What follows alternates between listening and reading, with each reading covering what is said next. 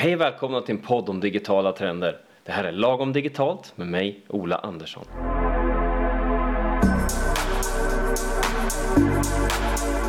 Den här veckans tre saker kommer fokusera rätt mycket på de ekosystem som de tre av de stora techjättarna byggt upp genom åren. Vi pratar alltså Google, Apple och Facebook och ett antal saker som den här veckan antingen direkt eller indirekt kommer påverka dem och därmed förstås vi som använder de här tjänsterna.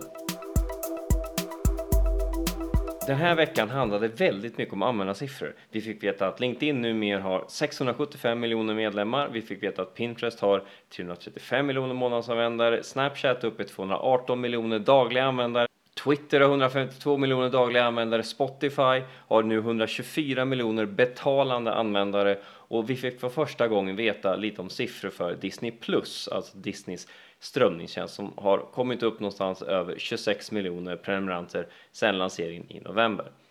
Men vi fick också veta att Youtube har över 20 miljoner betalande användare. Men vi fick också i veckan veta några lite mer oväntade användarsiffror. För i samband med kvartalsrapporten från Google i veckan så fick vi för första gången veta lite mer om Youtube och Google Cloud. För första gången så redovisade Google siffrorna, intäktssiffrorna för Google Cloud och för Youtube. De har alltid tidigare begravts i andra segment och Google har pratat om att Youtube går jättebra annonsmässigt, men vi har aldrig fått veta någonting. Nu fick vi dessutom veta att Youtube har 20 miljoner prenumeranter som betalar för tjänsten. Det är alltså Youtube Music, Youtube Premium, där man betalar för att slippa exempelvis annonsering. Det här är en siffra som är lite svårt att relatera sig till. Vi vet ju att Youtube i sig har väl över 2 miljarder användare och då pratar vi inloggade användare så att, att 20 miljoner av 2 miljarder är ju inte en jättestor siffra även om 20 miljoner trots allt är två gånger Sveriges befolkning. Men ändå. Men det som var extra intressant var alltså att Google nu för första gången berättade hur det går för molntjänstsegmentet och hur det går för Youtubes annonsering, det vill säga inte de betalande användarna utan det där Youtube trots allt drar in mest pengar på annonserna. Det är ju Googles överlag stora verksamhet. Det vi fick veta var att Youtube under fjärde kvartalet förra året drog in någonstans 4,7 miljarder på sin annonsering.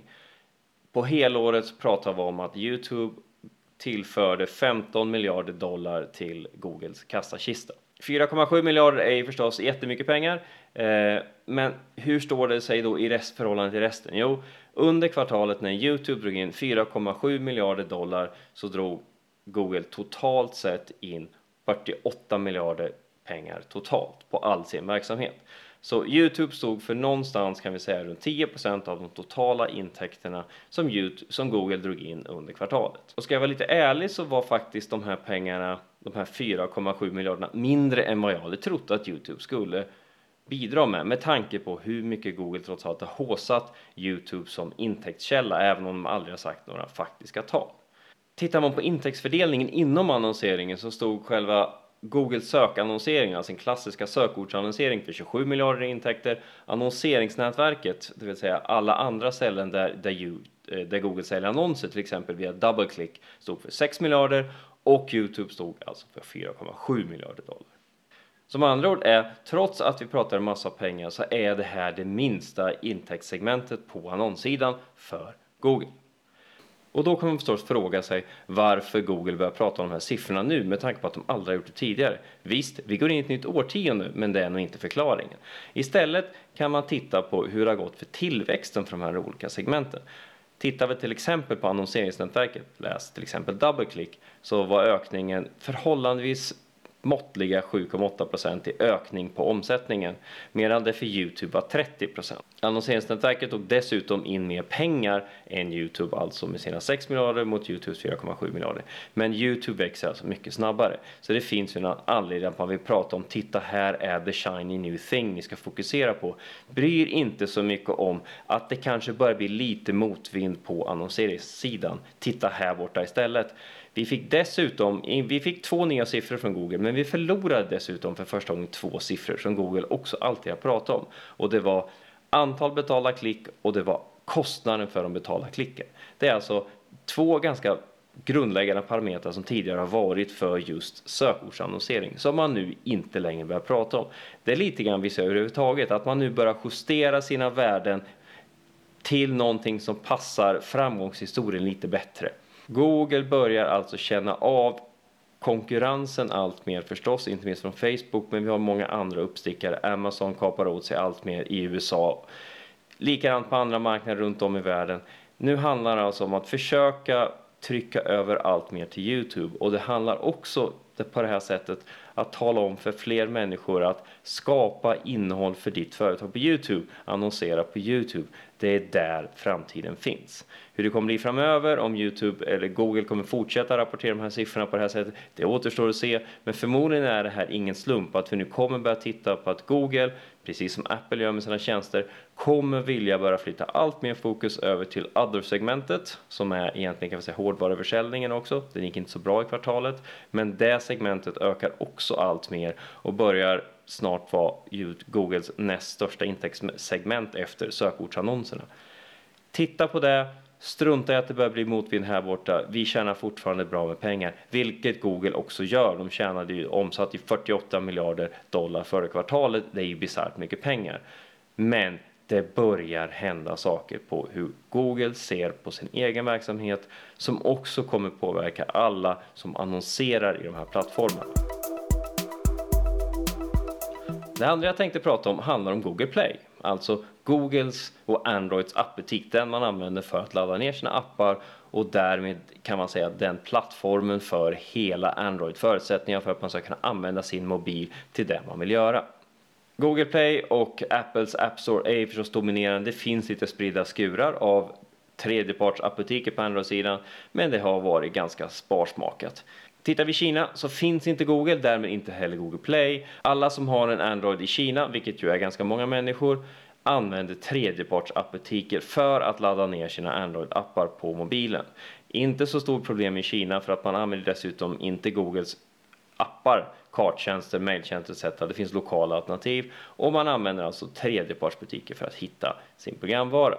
Även här har det varit ganska spridda skurar på att det finns ett antal tredjepartsbutiker och det gäller ju bara i Kina. I resten av världen är det fortfarande Google som är totalt dominerande med sin Google Play. Har du inte den så är det lite kört. Fråga bara Huawei som ju har blockats från Google Play och alla Googles appar i och med att USA ju har lite fnurra på tråden med Huawei. Vad som hände nu i veckan var att Huawei, Xiaomi och sen Oppo och Vivo som ägs av samma företag. Alltså fyra stora, eller egentligen tre då, stora mobiltillverkare i Kina kommer uppgifter om att de håller på att gå ihop och ta fram en gemensam appbutiksplattform för Android som alltså ska kunna användas för de här varumärkenas mobiler. Återigen, det här är mycket fokus på Kina så att vi berörs ganska lite och för den delen också Google.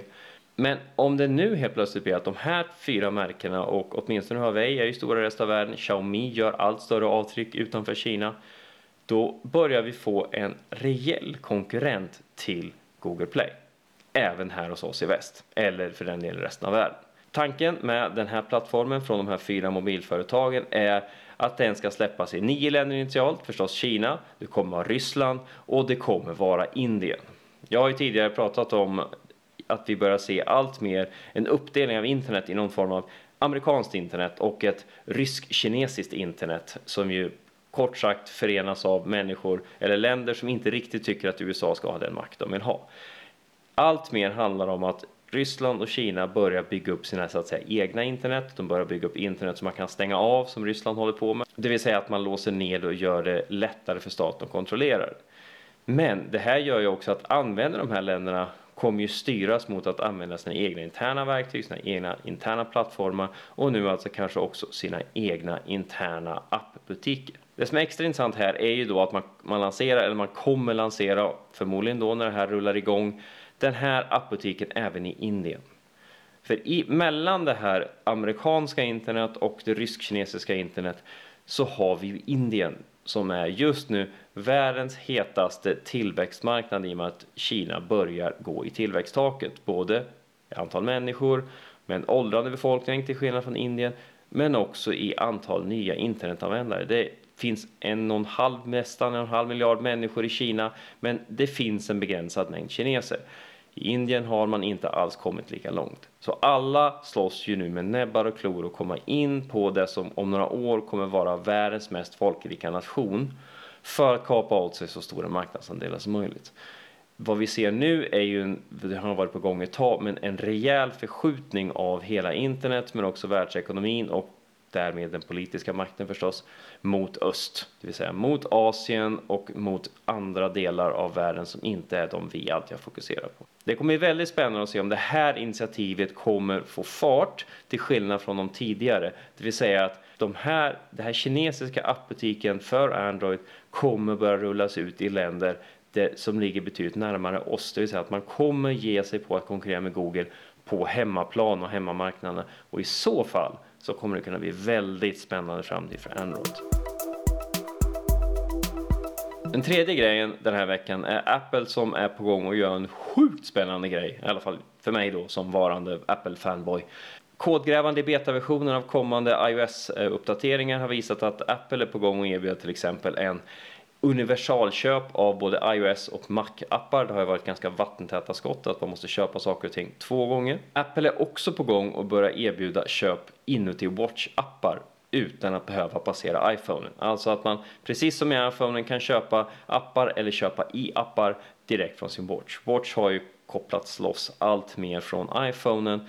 Helt i linje med det här att Apple vill kunna se till att alla tjänster och all hårdvara ska kunna användas var för sig utan att behöva vara helt inlåst i Apples ekosystem. Men Apple presenterar dessutom, och nu kommer vi till den häftiga grejen, i betaversionen av en kommande version av iOS så har man börjat se spår av ett Car Key API, alltså ett API som kan användas av biltillverkare. Och det har ju funnits tidigare, Apple har haft sitt CarPlay precis som Android har sin motsvarighet. Men i det här fallet så ska Car Key API kunna användas för att låsa, låsa upp och, wait for it, starta bilen. Som andra ord, du kommer alltså kunna ha verkligen hela bilnyckeln i din iPhone. Återigen, det här är inte jättenytt så tillvida att vi har sett liknande tekniker som har funnits. Du kan använda din Android eller din iPhone för att göra mycket av det här.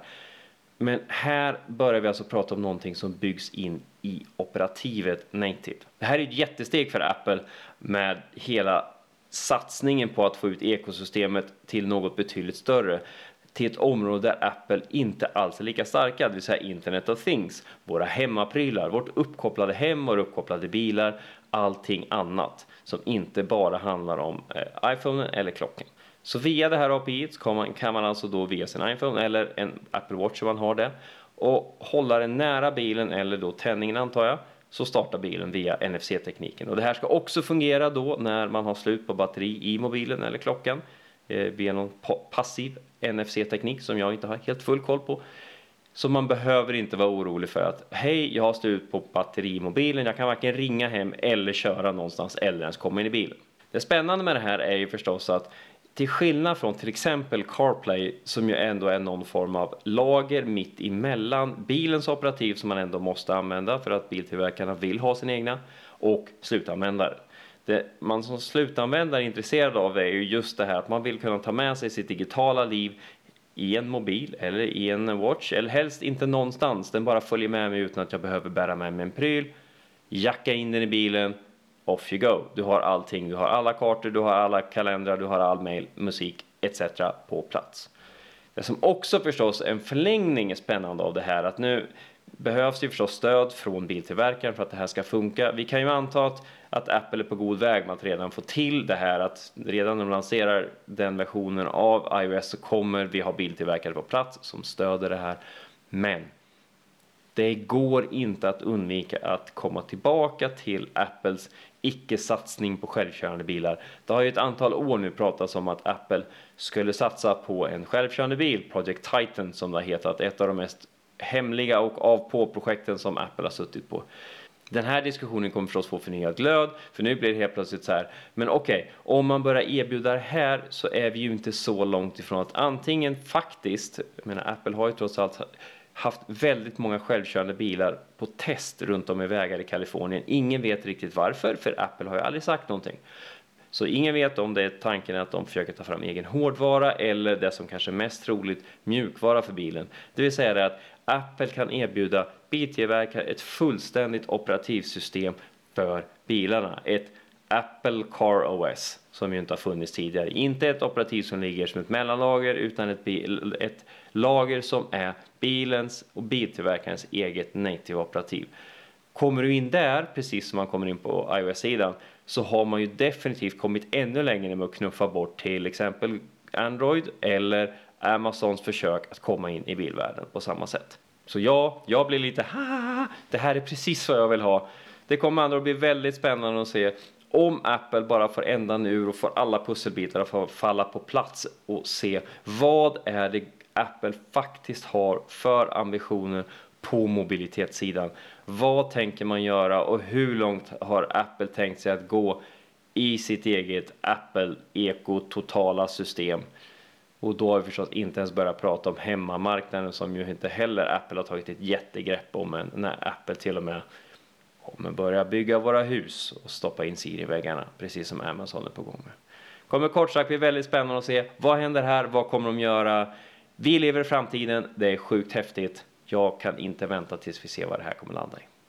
Det här var veckans tre spaningar, hoppas de gav någonting. Ni kan förstås som vanligt följa mig här i min podd Lagom Digitalt som finns där poddar finns. Ni kan också kolla in mig på Youtube. Ni kan följa mig på LinkedIn där jag nästan varje dag skriver om digitala trender. Ni kan också kolla in min sajt olaandersson.nu eller det nyhetsbrev som man kan prenumerera på där för den som vill vara säker på att inte missa någonting om det jag skriver eller berättar om den digitala världen. Men det var alltså allt för den här veckan. Vi hörs igen om en vecka. Tack och hej! Música